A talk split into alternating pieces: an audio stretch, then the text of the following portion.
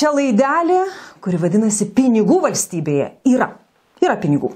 Ir aš, jos vedėja Rūta Januterė ir mano kolegė Evelina Geležiūninė, kuri pastarųjų metų socialiniuose tinkluose pagarsėjo kaip ta, kuri geriausiai iškapsto valdžios įdas, taškant mūsų mokesčių mokėtojų pinigus.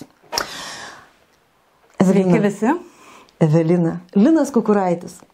Koks buvo kuklus, baukštus visuomenininkas, jisai buvo labai tik ir tebelra, labai tikintis, kuriam daug, daug padėdavo tėvai auginti vaikus, jisai jų turi visą krūvą. O dabar, jau įsivaizduoju, kiek jisai dabar moka už penkias minutės kakadų laidoje. 4590 eurų. Vaiko teisų apsaugos įvaikinimo tarnyba užsakymų 60 tūkstančių eurų gamina laidas vaikams. Kakadų vaikai infošau formate. Jie rašo taip.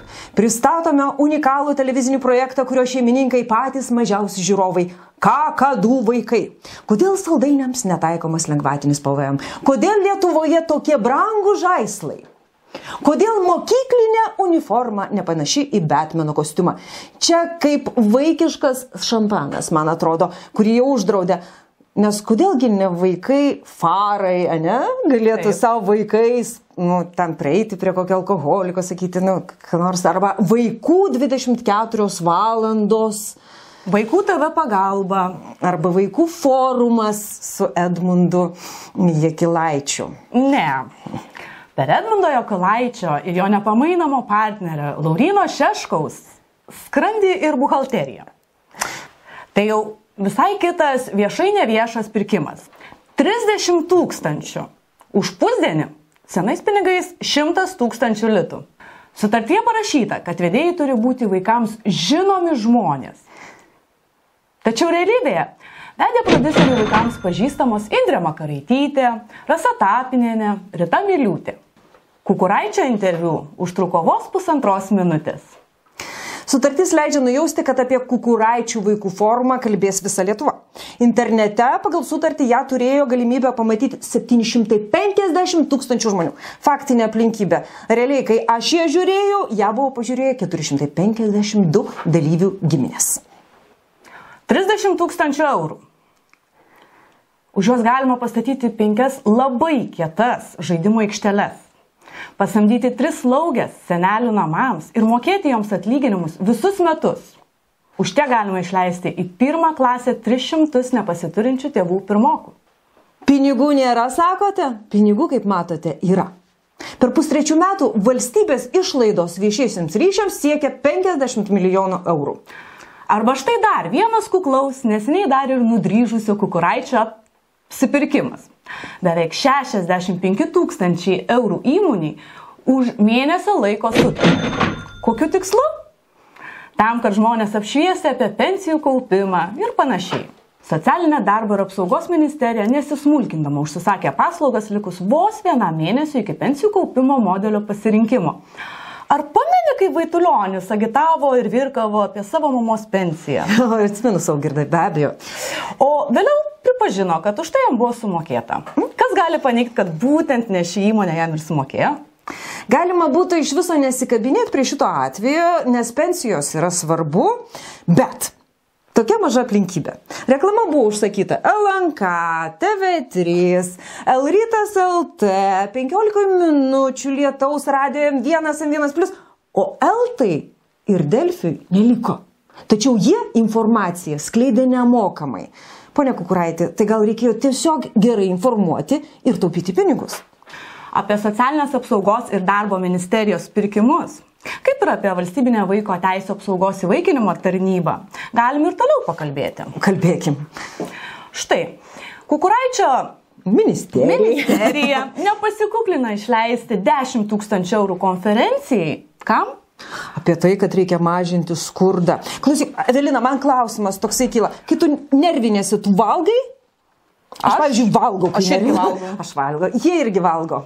Todėl Kukuraičio ministerija organizavo už 10 tūkstančių tokią apsiėdimo fiestą biurokratams. Ir pasamdė ne ką nors kitą, o Kristinos Brazauskenės sūnų, Ernestą Butrimą. Štai jis su garsiuoju Klonio gatvės šturmo herojumi advokatu Černiausku paniręs į mamos buhalterijos lėpinius. 300 obolių po 2 eurus štuka. 300 kavų su skrebučiu po 5. 300 pietukų su sriuba karštų kava ir salotom po 14 eurų. Kai pasiturinti žmonės susirenka pasišnekėti apie skurdą ir ubagus, nu jiems tikrai reikia užkasti. Nervinasi. Pinigų nėra, pinigų yra. Žinoma, kad yra. Kiek laiko, pavyzdžiui, tu organizuotum renginį, į kurį reikia sukviesti maždaug 300 žmonių? Mėnesį. Čia tiems nemokšams. O gal norite išmokti organizavimo ypatumų per vieną naktį? Tuomet mums vėl reikės kreiptis į vaiko teisų ir įvaikinimo tarnybą. Jis sugebėjo organizuoti renginį 300 burnų per vieną dieną. Iš tikrųjų, tai pagal sutartį išeitų per vieną naktį. Beje, konferencija yra visiškai slapta. Aš e, praleidau, nežinau kiek laiko, bet daug, ieškau informacijų e, apie, nu ką jie ten nuveikė, bet informacijos nėra. Konferencija sausio 18. Sutartis pasirašyta sausio 17 dieną. Saldžia balsė, kaip kas pasakytų šeimų ardymo juodas diržas Alina Jekavoninė Tam darbui pasisamdo stebukladarę už 10 tūkstančių eurų. Kodėl už 10 tūkstančių eurų? Nes nereikia skelbti viešo pirkimo. Tai yra ribinė ta suma, kur jeigu už 10 tūkstančių eurų, tai atsivedi savo draugus arba labai gerus pažįstamus arba labai gerus specialistus ir tada darai konferenciją. Toji nepaprasta konkreti moteris, kuri per vieną naktį surengė renginį 300 žmonių, yra viešosios įstaigos kultūra ir renginiai vadovė Eglė. Eglė Jasutytė mažintinė. O dabar pagalvokim, ką mums primena tas žodis mažinti. Suklydau, mažinti. O čia ne tas tai, viceministras, kur atleido, ne, ne? Čia tas pats viceministras greta jos, va čia yra Darius mažintas. Iš tikrųjų labai geras pianistas. Aš, kadangi šitą išmanau dalyką, labai puikus pianistas, kuris suklastojo atestatą, neteko viceministro posto ir toliau mm, groja kaip lakštingala. Konferencija irgi nesilpniesiems. Kavos buvo išgerta 50 kg. Už 1050 eurų. Įdomu, jie ją kramtė ir užsipilinėjo vandeniu, nes 50 kg, negi 300 žmonių, jeigu reikėtų sukramtyti 50 kg, pupelio būtų daugoka. Bet matyt, kavos tai buvo. E, visokiausių sausainėlių, piragėlių, kipinų už 3500 ir užgeriant stalo vandeniu už 363 eurų už litrą. Čia šventintas? Tikriausiai šventintas, nes iškrano. Tikriausiai, bet pašventino. O dabar jūs stebitės, kad visi apie tai tyli. Taip, mes stebimės, mes iš tikrųjų stebimės, nes jau suskaičiavom šiuo metu, mes jau išleidom per šitą trumpą laiką virš 200 tūkstančių eurų. Manau, tylinės burnos prikimštos. Taip. Kramto, virškina. Šita tarnyba samdė ne tik žiniasklaidą, bet ir influencerius. Ką? Influencerius. Nu, tą patį Vaitulionį, pavyzdžiui, jisai yra influenceris. Gal šitam samdė, bet ne, bet tai yra influenceris pagal jų supratimą. Tam, kad šie formuotų teisingą nuomonę apie vaiko teisų ir įvaikinimo tarnybų, tarnybos atliekamų darbų reikšmę, svarbumą ir kitus dalykus. O įdomiausia, tai kad sutartis dėl influencerių buvo pasirašyta 2019 m. balandžio pradžioje, o galiojo iki balandžio pabaigos. Ir žinai, sutaptų man taip, kad būtent tuo metu Seime buvo svarstomas naujas vaiko teisų apsaugos įstatymas. Hmm. Ir painfluence? Na, štai ta sutartis. Atrodo visiškai kuklutė sutartis už 2420 eurų. Bet Tai yra, kaip sakant, už penkių puslapių, o gal keturių arba trijų planą huliganą, kurioje būtų surašyta, kam šitą ministeriją ir šitą tarnybą mokės ateityje pinigus. Ir influencins jie ir darys, darys be jokios, jie ką daro, kai jie influencina, tai jie neužrašo užsakymo numeris, kad čia yra apmokėta nuomonė, ne, jie tiesiog sako savo nuomonę, kaip pavyzdžiui Gabija Vaitkevičiūtė su Greta Dilbe. Toji dilbė neuždyka, skrajoja su influenceriais po mokyklas ir pasakoja jūsų, gerbėmėjai žiūrovai, mažamečiams apie dauginimąsi, apie seksą ir kitus jiems labai svarbius dalykus. Dabar, paskait, dabar pasakyk, kokius žodžius jie tiems mažiukams sako. Makštis, gimda, kiaušidė, kiaušialastė, seklidė, spermatozoidas, varpa. Manote, jie rašo ten, čia jau cituosime tas visas dilbės, mes sutrinkame, ka- tardami šitos žodžius, mylėtis ir užsimti seksu. Menstruacijos ir sieklos išsileimas. Teisingai ar ne?